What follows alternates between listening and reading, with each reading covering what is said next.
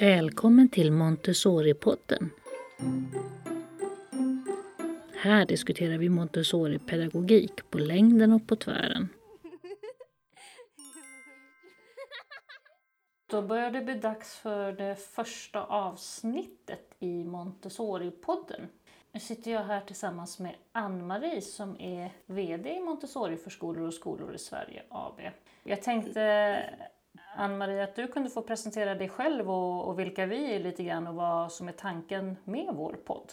Ja, jag heter Ann-Marie Utterström Olsson och har arbetat som lärare i drygt 20 år och som eh, skolledare, rektor och VD eh, i ett antal år. Är numera VD för Montessori förskolor och skolor i Sverige som består av eh, för närvarande sju grundskolor och sex stycken förskolor. Mm. Och det här är ett väldigt angenämt och roligt sätt tycker vi att eh, hitta synergieffekter. Vi känner samverkan i den här gruppen. Vi kan göra saker tillsammans som gör att vi växer och utvecklas. Och det är väl en tanke med den här Montessori-podden. Mm. Att det får vara ett, ett forum där vi internt Eh, känner att vi får ta upp de teman som vi tycker är angelägna och som vi vill utveckla oss själva i. Eh, eller kanske någon skola har kommit väldigt långt och mm, vill liksom mm. föra det vidare till en annan skola. Precis. Eh, men sen är det naturligtvis ett öppet forum. Det är så att vi tillhör ju att växa-gruppen mm. som är många fler skolor och grundskolor. Och där samverkar vi också och delger varandra väldigt mycket av, av det som finns. Så eh, vi har stora förhoppningar att det här liksom får utvecklas framåt och eh, det här är början men sen kan det här ta en annan form kanske än vad vi tänkte beroende på eh, vilka ja, aktörer som kommer in och vilka som medverkar och så. Ja, och så tänker vi också att, att det här är ju då kanske Första tanken var att vi ska ha det här som lite intern fortbildning som vi sa men också att Montessori-folk i hela landet ja. är välkomna att mm. lyssna Mm. Eh, och också höra av sig med tankar och idéer om vad, som, vad de är sugna på och nyfikna på och vill mm. höra mer av. Därför en del är ju specifikt eh, Montessori eh, eftersom vi brinner för mm. den pedagogiken men den är ju också väldigt allmängiltigt. Jag menar mm. dagens läroplan är ju väldigt influerad och, och ja, där finns det mycket montessoriska mm. tankar. Så att, eh, det är ju en pedagogisk plattform kan man säga mm. för diskussioner som, mm. Eh, som är ja, som är, försiggår runt om Precis. bland pedagoger. Eh, och specifikt också teman kanske för Montessori. Och, och, idag sitter vi här i en av mm. skolorna som vi har på ja. Stockholms Montessori-skola. Det stämmer. Här är det lite så skolstartskaos Absolut. som det nog är på alla skolor den här mm. Mm. Eh, tiden. Och eh, då passar det också bra lite grann med det som dagens premiäravsnitt kommer att handla om, nämligen de fem stora lektionerna mm. som ju i princip alla Montessori-grundskolor börjar sitt läsår med. Och för er då som inte riktigt vet vad de här fem stora lektionerna är så träffade jag innan sommaren en Montessori-lärare nere i Lund, Lisa, där vi hade ett samtal och hon förklarade och berättade lite grann vad de fem stora lektionerna är för någonting eh, som vi ska lyssna på nu. Eh, och så återkommer vi lite grann efter det mm. med om hur vi ska vad som händer avsnitten framöver.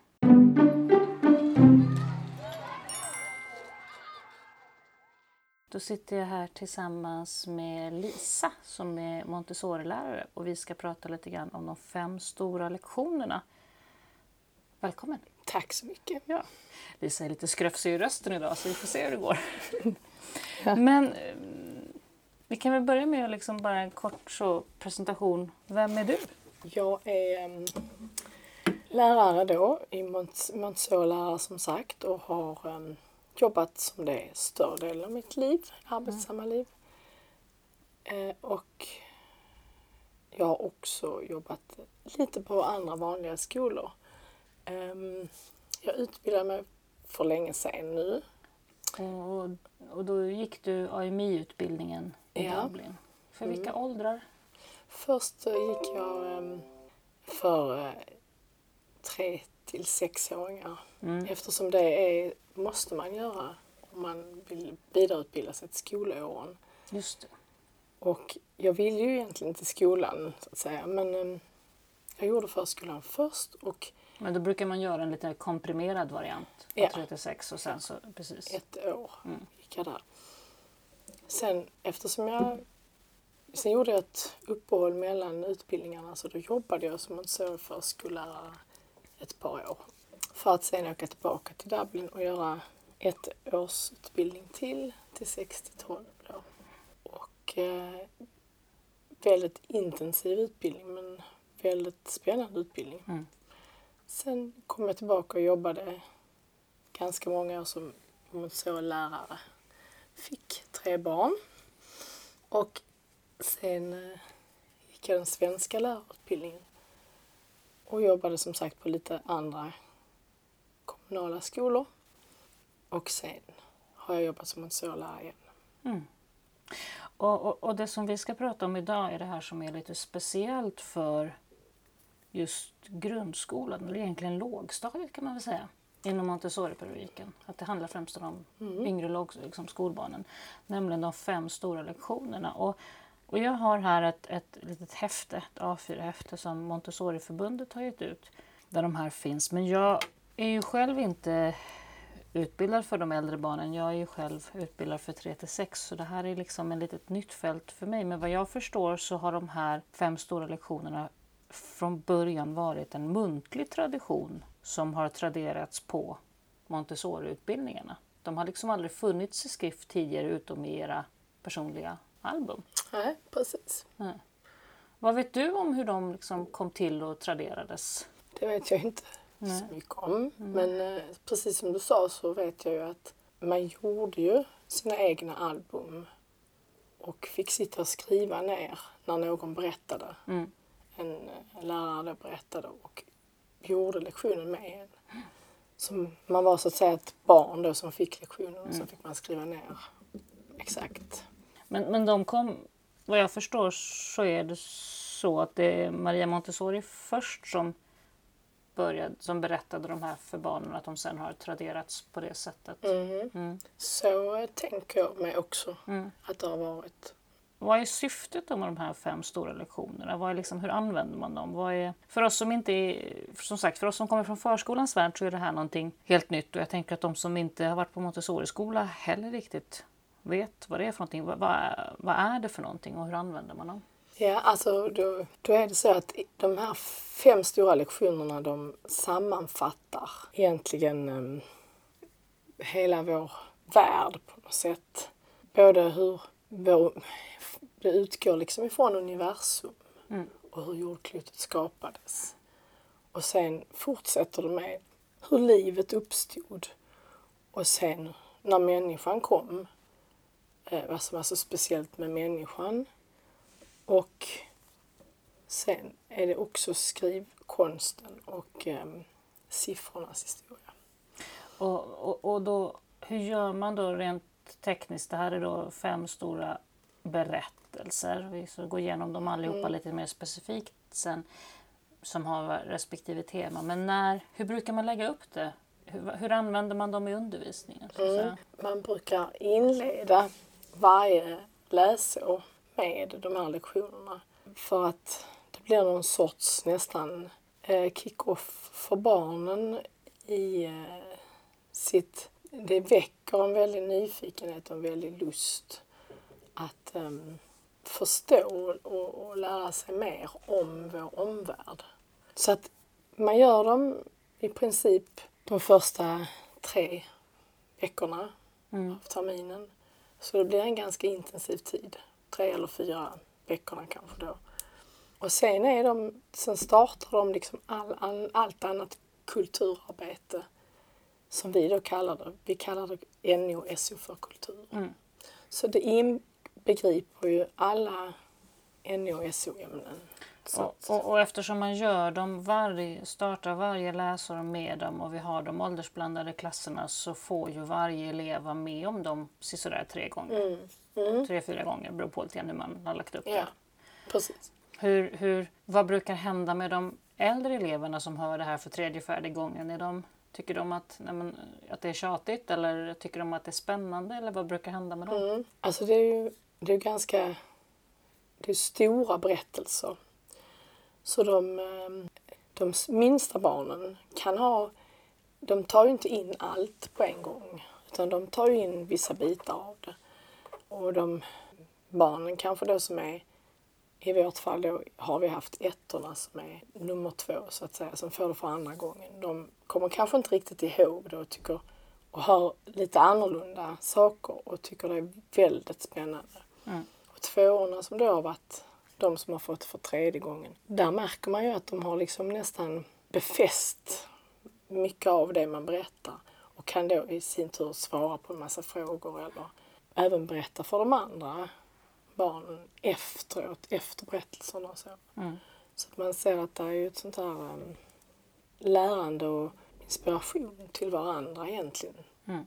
Och de tycker fortfarande det är häftigt, även två år. För jag har också gjort med lite äldre barn vid några tillfällen som då inte hade fått dem eller fick dem för första gången. Och de eh, kunde ju också få lov att hjälpa till lite grann. Man gör lite experiment och man visar lite olika planscher och så. Och då kunde de ju också vara mer behjälpliga och mm. tyckte de var lite spännande. Så att det går att göra dem även för äldre barn. Om de då inte har fått det innan. Mm. Så att säga. Mm. Ska, ska vi bara prata lite kort om varje sån här och vad man gör? Den första lektionen som ju handlar om, om den allra första början. Vad, vad, vad heter den? Den har lite olika namn har jag förstått. Mm. Mm. När jag fick den på engelska då givetvis så hette den God without hands. Mm. En gud utan händer. Mm. Mm. Det har ju varit rätt mycket diskussioner kring, kring det då eftersom man inleder berättelsen lite grann med att prata om eh, Gud såsom skaparen mm. som har skapat alltet. Mm. Och eh, Maria Montessori var ju själv... Och är troende katolik. Ja, precis. Så att för henne var inte det här någonting konstigt att prata utifrån Gud som skaparen då. Men... Det är rent generellt, vi pratar ju början av 1900-talet i Italien, det var inte särskilt Nej. märkligt. Nej, Nej. det var högst naturligt. Men eh, jag vet att jag har diskuterat detta med kollegor och så innan vi har dragit igång. Då. Jag själv har ändrat det till eh, berättelsen om jordklotets uppkomst. För det är egentligen det hela berättelsen mm. handlar om. Men jag berättar fortfarande om inledningen här ändå. Att, så som jag har fått den berättad. Jag, jag, såg här att, att en del har också ersatt ordet Gud med livet eller livskraften eller mm, någonting sånt där. Mm. Och jag, har, jag använder skaparen mm. och den som liksom har skapat allt. För att man inleder med att människorna har alltid frågat sig själva hur kom det sig? Hur kom allting, hur kom allting till från början? Maria Montessori ville ju hela tiden, hon sökte liksom deras eh, undran och känslan av att försöka förstå mm. hos barnen också. Så att uh, hon tilltalar liksom deras um, förvånande sinne eller på något sätt. Det som förundrar dem. Genom... Deras föreställningsförmåga. Mm, liksom. Mm. Också, precis.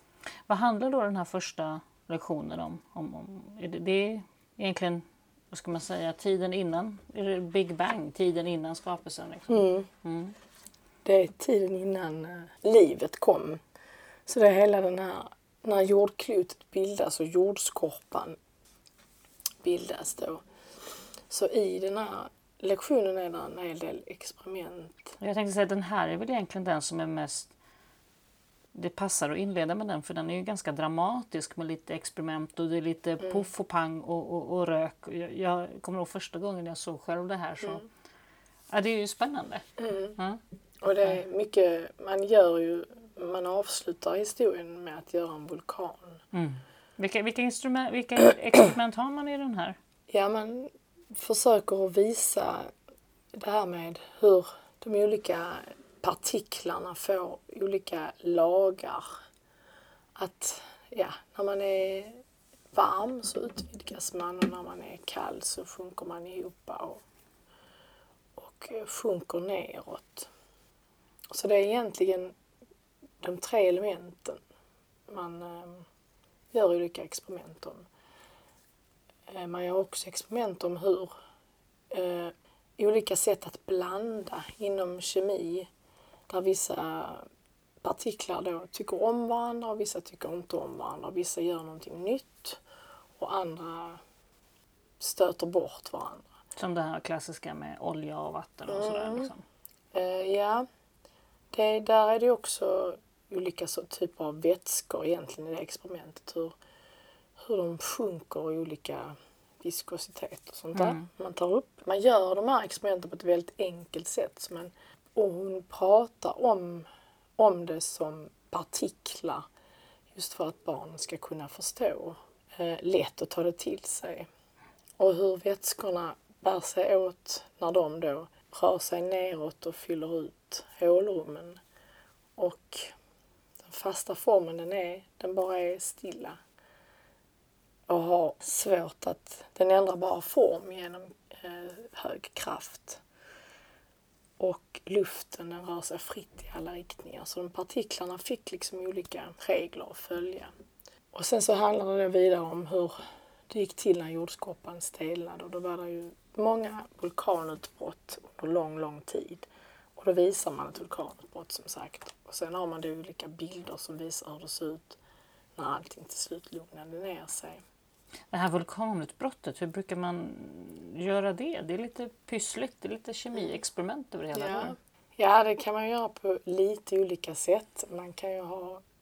Jag byggt, har byggt upp en vulkan som ett, en, ja, ett jordberg helt enkelt. Och sen kan man sätta i Antingen så kan man göra det med vinäger och bakpulver eller ättika bakpulver. Men man kan också göra det med riktiga kemikalier. Eh, Och då får man göra experimentet ute. Mm. Men, eh, Annars går alla brandlarm igång. Ja, precis. I det jag fick lära mig, så, som jag har gjort, så har man svavel och ammoniumdikromat i. Mm. Och det ju rätt, blir ju ganska starka. Rätt effektfullt. Ja, det, blir, Ja. det ser ut som ett riktigt vulkanutbrott. Ja. Med färg och spakar som spakar. Och, Ja, och sen så är det lite planscher som hör till Mm. den här också. De har jag förstått också att ni själva man gjorde på utbildningen själv. Och, Mm. och, eh, de fix, finns liksom inte riktigt att få tag på. nej, alltså man får ju gå utbildningen och då får man ju förlagorna. Mm, mm. Och sen så får man göra dem själv. Man gör en del på utbildningen, man kan göra det även efter utbildningen också. Så förlagorna får man via utbildningen. Så. Mm. Och det var ju väldigt viktigt när man gick utbildningen också att dels att man skulle skriva och göra allting själv Mm. för att på det viset också få en större och djupare förståelse för allt materialet. Ja, och kanske också göra berättelsen till sin egen på Mm. något sätt. Ja, precis.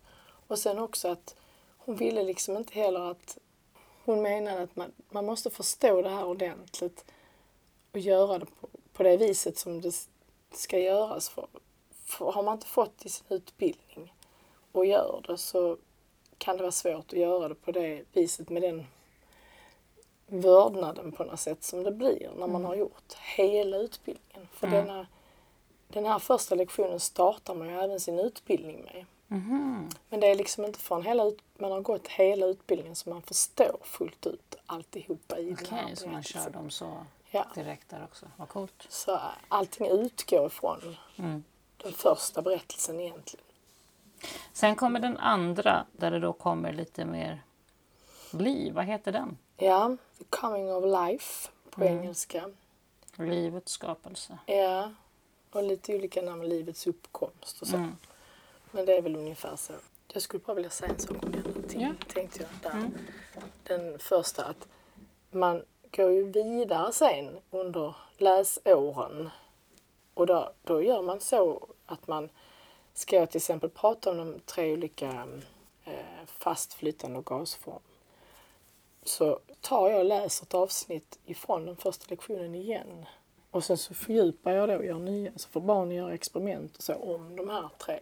Mm. Så de återkommer liksom när ni tar Ja, och de då passen sen. kan man liksom läsa om igen Mm. ett litet avsnitt så att berättelsen hålls vid liv liksom Mm. genom hela utbildningen. Det är så mycket i den. Och sen Ja, är det ju solen och jordens rotationer. Jag menar, jordens två olika rotationer. dels runt solen och dels runt sig själv. Mm. Även det kommer i den första. Mm. Så alla de stora kapitlen om olika fenomen under hela barnets lästid vidare i skolan, det utgår liksom ifrån första lektionen. Mm. Och andra lektionen då, mm. livets skapelse. Mm. Då har det gått några dagar, någon vecka. Mm. Precis. Och så kommer ni in på nästa. Mm. Och vad handlar den om då? Um, ja, då är det ju hela livets utveckling från den första lilla cellen till, ja, den avslutas med människan. Och då tar man ju fasta på hur de viktiga förändringarna som kommer med varje ny art, eller vad ska jag säga, inte art, utan varje ny sort av djur. Så att hur cellerna går ihop och arbetar tillsammans och då bildar första växterna som finns i havet ju och så småningom kryper upp på land. Och sen då eh, den första fisken då som har ett ben inuti sig. Så att då betonar man ju att från att ha gått från hårt skal utanpå sig själv så är det att det första liksom benet inuti. Mm. Och varför det då var så smart och vad det gav det djuret för fördelar. Då kunde det ju röra sig mycket smidigare och snabbare undan sina fiender. Och sen går det vidare till um, groddjuren och hur de då utforskade även land. Och man fick höra det första ljudet ovanpå land, för det hade ju inte funnits innan. Och sen hur grodan ändå var tvungen till att ta sig tillbaka till vattnet för att lägga sina ägg och för att inte själv torka ut. Och så kom det vidare då kräldjuren som utvecklade en, ett skinn som kunde tåla att torka mm. och lägga sina ägg på land. Och därför kunde de hålla sig långt ifrån vattnet och kunde därför erövra andra delar av jordens yta. Och sen med ödlorna så kom ju de här spännande... Då exploderade olika sorters eh, reptiler eller kräldjur och även då dinosaurierna som barnen mm. tycker är väldigt spännande. Ja, det är ju mm. fascinerande. Ja. Men ändå, trots allt, så var det där lilla, lilla, lilla djuret som hade päls. Mm. Och um, kunde ta sig även till platser där det var lite kallare. Som inte var så stort från början, det lilla däggdjuret. Som då också födde levande ungar och tog hand om sina, sina barn. Och då kunde det djuret utvecklas och erövra stora delar av jordens yta på ett annat vis. Och där var fåglarna också där emellan innan som tog hand om sina ägg och värmde dem. Och sen så berättar man lite om olika insekter och så vidare. Då. Och sen på allra sist, slutet då, så kommer ju människan. Jag, jag tänker när jag, när jag tittar på den här så tänker jag att ja, men det här är ju egentligen evolutionsteorin förklarad mm. för barn. Sådär. Precis. Och, och, det har ju genom åren och framförallt då för över hundra år sedan inte alltid varit så, så poppis att, att i religiösa sammanhang och så förklara för barn och lära mm. ut och sådär. Har, har, det varit några kontroverser kring det genom åren? Vet, känner du till någonting om det? Eh, nej, jag vet inte det, men inte så direkt. Mm. Jag vet att vissa Montessori-lärare även berättar historien utifrån Bibeln lite, inte parallellt, men i, i sammanhanget där någonstans. Mm. Bara för att belysa liksom, att det fanns olika sätt att berätta detta på. Mm. Och sen vet jag att jag någon gång har haft diskussioner med föräldrar som säger liksom också att ja, men, eh, det här kan man ju kanske inte bara ta rätt av att det är precis exakt så här mm. det har mm. varit. Så. Men det är i princip det enda, annars har jag inte stött på det. Mm. Och um, Det här är ju, vad jag tycker så är det ju en väldigt bra sammanfattad berättelse just om evolution och hur det ja, fungerar. Verkligen. på något sätt också. Experiment görs hela tiden och de experimenten som är lyckosamma de, de blir någonting och det andra försvinner. Mm, mm. Och även som det också är väldigt häftigt när man betonar slutet när människan kom så har man ju människans tre saker som då är annorlunda än alla djur. Och då betonar man de eh, tre. Och det är då att människan kunde känna på ett annat sätt för andra som de inte ens hade sett. Empatin. Liksom. Ja. Och även att människan kunde använda sina två händer på ett nytt sätt och gick på två ben. Mm. Och också att människan kunde ju använda sin hjärna på ett annat sätt än vad djuren kunde. Och det här är väldigt häftigt för det gör det väldigt enkelt för barnen tycker jag att förstå vad det är för skillnad på oss och djuren på Mm. något sätt. Vi är ju inte djur, alltså vi är ju däggdjur men Med skillnaden. Liksom. Ja. Vad vi kommer ifrån men vad, vi ändå, vad som ändå skär, särskiljer oss. Ja, precis. Och, och också att när man, man använder en lång tidslinje som visar den här progressionen av Jag tänkte precis fråga dig, men här så är det inga experiment egentligen utan du har tidslinjen och, och lite planscher som är grejen. Mm. Och då när man kommer och har rullat ut hela den här då och kommer till människan på slutet så, så tittar man liksom tillbaka på den här tidslinjen och säger att allt det här har förberetts för oss. Och hade vi kommit innan så hade, inte, hade vi inte kunnat leva så som vi lever nu. Mm. Hade vi kommit när dinosaurierna fanns till exempel och så vidare då. Ja. Och det gör ju också att barnen får ett perspektiv och en vördnad igen och en tacksamhet på något sätt. Att det tycker jag är Maria Montessori gör som inte man gör på någon annan, i någon annan pedagogik. Liksom. Mm. ja. Och så kom då människan och då kommer man till liksom nästa lektion, nummer tre. Som eh, man kallar för vad då? Om igen, the coming of the human being på engelska. Människans eh, uppkomst har jag kallat den. Människans skapelse kan man kallar den också ju. Och där handlar det ju bara om människan och vad människan gjorde. Hur människan kunde utveckla de här olika tre sakerna som särskilde henne. Egentligen alltså hennes hjärna där hon då kunde tänka på ett annat sätt än buren kunde. Och händerna som skapade olika verktyg och saker för att kunna komma åt mat på olika sätt till exempel. Och även det här med, med hjärtat då, och hur människan kunde tänka på andra som hon inte ens hade träffat för att då utveckla sin eh, storhet, eller vad man ska säga. Den berättelsen, där använder man egentligen inga hjälpmedel alls. Utan den berättas rakt upp och ner som en berättelse. Inga tidslinjer eller planscher eller så? och inga Nej. experiment. Så där får man försöka nå barnens egna ja, föreställningsförmåga eller nyfikenhet eller väcka den.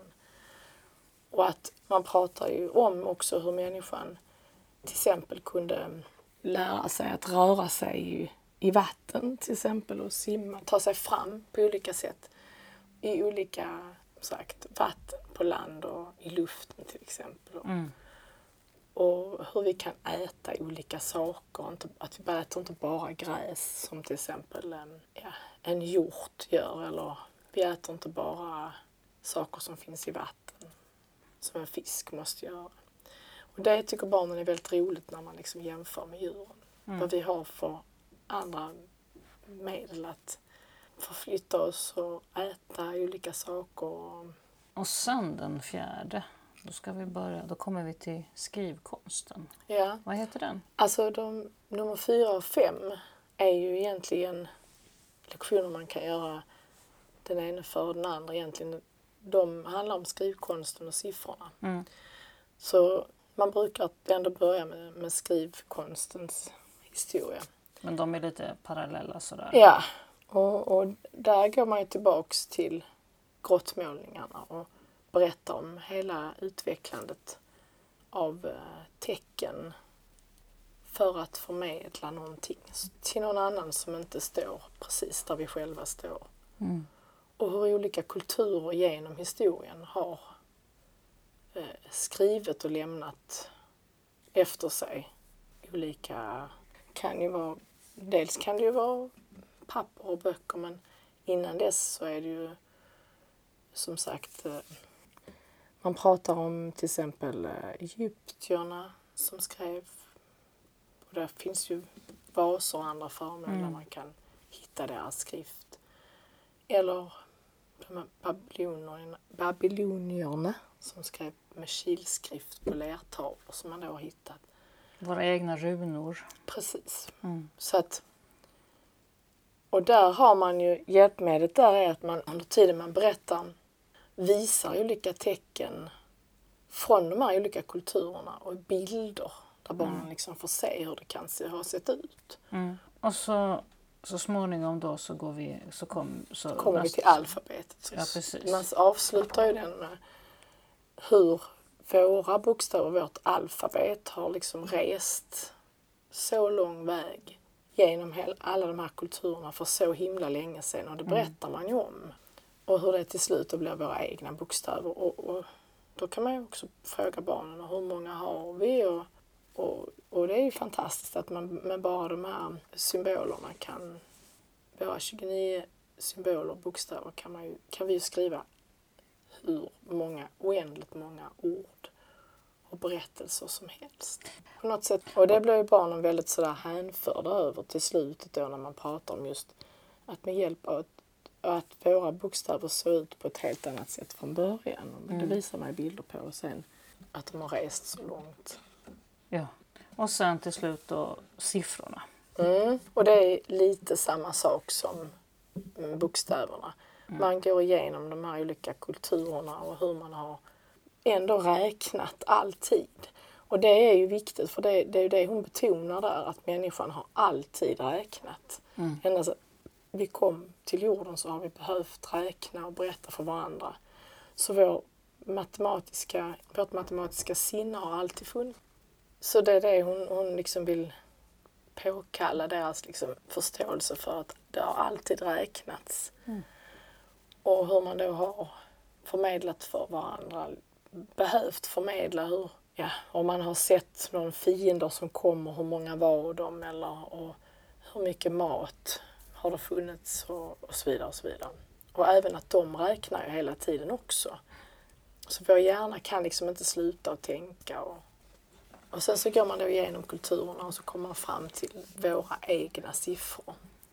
Och där, där finns ju väldigt mycket att, att hämta med både romerska sättet att skriva och det egyptiska sättet och även ifrån Mesopotamien och hur de skrev. Och, och sen kommer vi fram till våra egna siffror och de har då rest en lång, lång väg.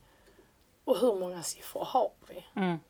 Så att liksom, och det är ju någonting för barnen för de har ju sällan det begreppet att vi har ju bara tio siffror och vi kan skriva alla tal. Och så mm. pratar man om det och gör sådana här höga tal och tittar liksom på vilka siffror vi har använt och sådant. Så det, så det är ganska fantastiskt på det viset.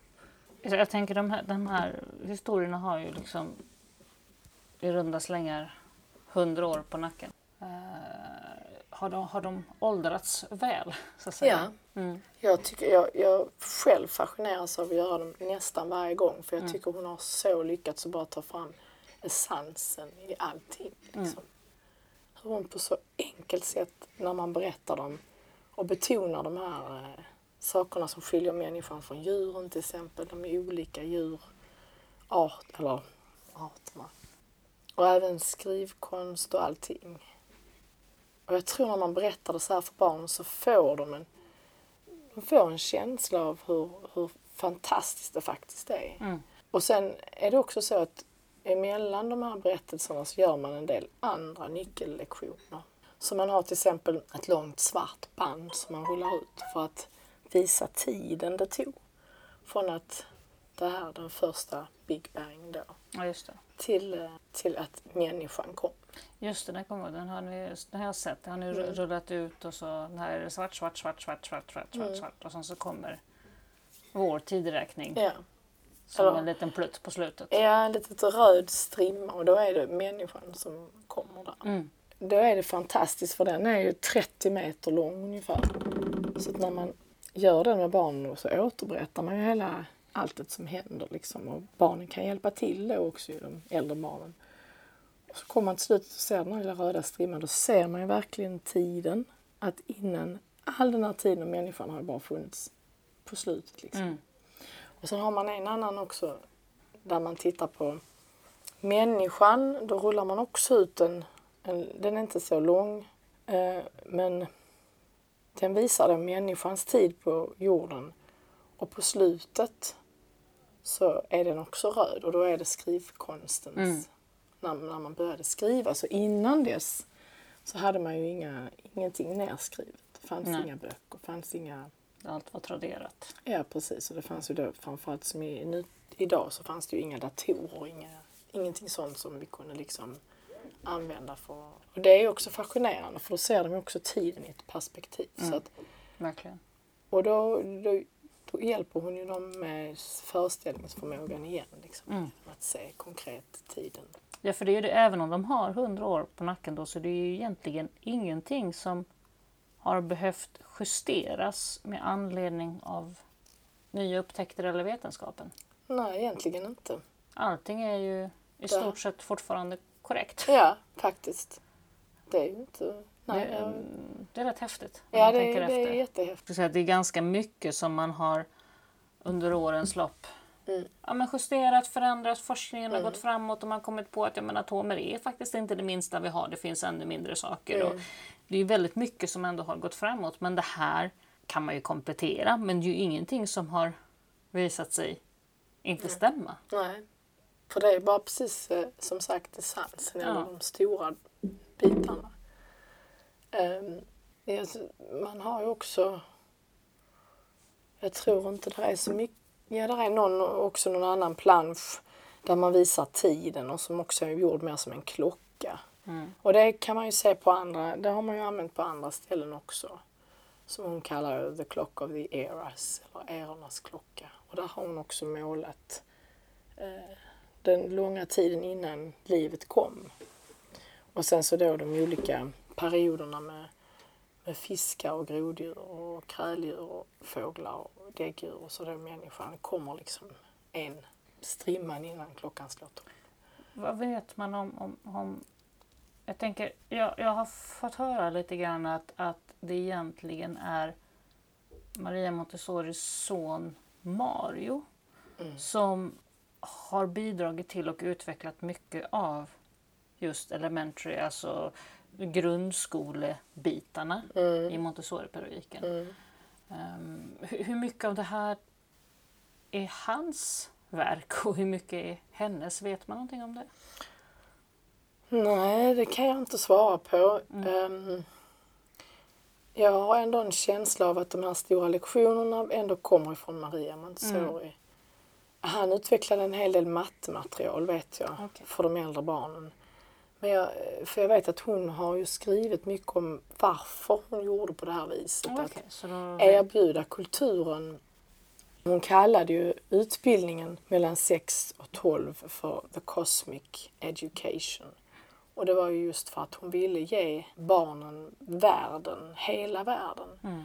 För de måste få deras um, funderingar ska liksom inte behöva vandra runt i någon sorts um, frågande tillstånd om allting. Uh, de vill veta hur allting hänger ihop. Mm. Mm. Och det var därför hon gav dem hela världen. För mm. att då kan man fästa liksom deras intellekt på någonting mm. och, och sen utveckla det därifrån. Mm. De får svar på väldigt många frågor. Men sen jobbar man ju som sagt utifrån de här lektionerna vidare sen. Så det, det är ju liksom inte, det här är ju bara en upptakt till hela skoltiden egentligen. Vad har du fått för, för reaktioner från föräldrar och så? När mm. barnen kommer hem och berättar saker och så genom åren. Har du fått någon feedback ja. från föräldrarna på de här? Eh, faktiskt mindre än vad jag har tänkt att jag skulle kunna få. Eh, jag har en gång gjort, eh, nästan på kan man säga, ett misstag. Att göra den här lektionen för föräldrar. Okay. För att eh, jag blev ombedd att göra det. Mm. Det var rätt så märkligt på något vis. Det blev inte så lyckat? Det blev inte så bra på något vis. Mm. Det, föräldrar är ju kritiska till allting mm. och det är deras kritiska sinne som lyssnar. Mm. Ett barn lyssnar ju med ett öppet sinne. Med sitt magiska tänkande. Precis. Mm. Sin föreställningsförmåga och allting. Så för barn, det är liksom, ja det är någonting helt annat och det, det kommer jag inte göra igen kan jag säga. Nej. Kollegor då som inte har med sig det här, hur har, hur mm. har deras reaktioner och, varit? Ja, lite olika. Det är många som tycker att det är väldigt, väldigt bra. Mm. Då är det ofta de som har någon form av Montessori-utbildning. Andra kan ju tycka att det är häftigt så men kanske inte riktigt lika begeistrade mm. på något sätt. Sen är det ju vissa som då just hakar upp sig på det här med, att, med Gud till exempel. Mm. Det kan vi ju inte använda. Och, men det finns ju sätt att lösa och prata runt. Ja, liksom. precis. Mm. Och jag vill ju tänka att de här fem lektionerna de tar på ett genialiskt sätt fram vår historia både från början och det ger barnen någonting som de inte kan få på något annat sätt. Jag har aldrig varit med om det i alla fall. Och jag vet jag har elever som har kommit till mig efteråt som då har kanske gått i sexan och så som, som har kommit och sagt att jag kommer aldrig glömma den där affischen du visade till exempel på hur det fungerar när någonting blir kallt och någonting blir varmt. Mm. Och det är den första lektionen och då har man, visar man änglar som tar sig ut i rymden och hämtar eh, kylan mm. i, i, hinkar som då är blåa liksom. Och sen så far de ner mot jordklotets eh, yta. Och där brinner det ju i princip så att mm. där blir det ju, får de ju ösa det här kalla och sen så försvinner de uppifrån jorden, jordens yta med röda hinkar och flyger de liksom upp. Och så håller det på så här och det kallade hon för elementens dann. Och det här höll ju på under miljontals år. Denna affischen har jag en gång fått från en, mm. elev som sa jag kommer aldrig glömma det. Och liksom mm. det jag tänker att det är just för att hon var så smart. Hon använde ju också barns psykiska utveckling när hon gjorde all, hela sin pedagogik. Mm. Och det är det som särskiljer henne mycket också tycker ja. jag. Att hon tar hänsyn till det och, och använder det. Då blir det... Därför tror jag just att det liksom de, de gillar det, barnen mm. gillar det mm. väldigt mycket. Mm. mm. Och just att man berättar också. Berättelser är det ju. De fem stora lektionerna, de fem stora berättelserna. Mm. Mm. Ja, de är häftiga faktiskt. Och det var nytt för mig när jag kom in i skolans värld från förskolan. Mm. Eh, jag har också sett hur, hur barnen uppskattar dem. Ja, det gör de verkligen. Tack så jättemycket Lisa. Tack För att du invig oss lite grann i de fem stora lektionernas härliga värld. Mm. Mm. Nu tar vi lite sommarlov. Ja, ja.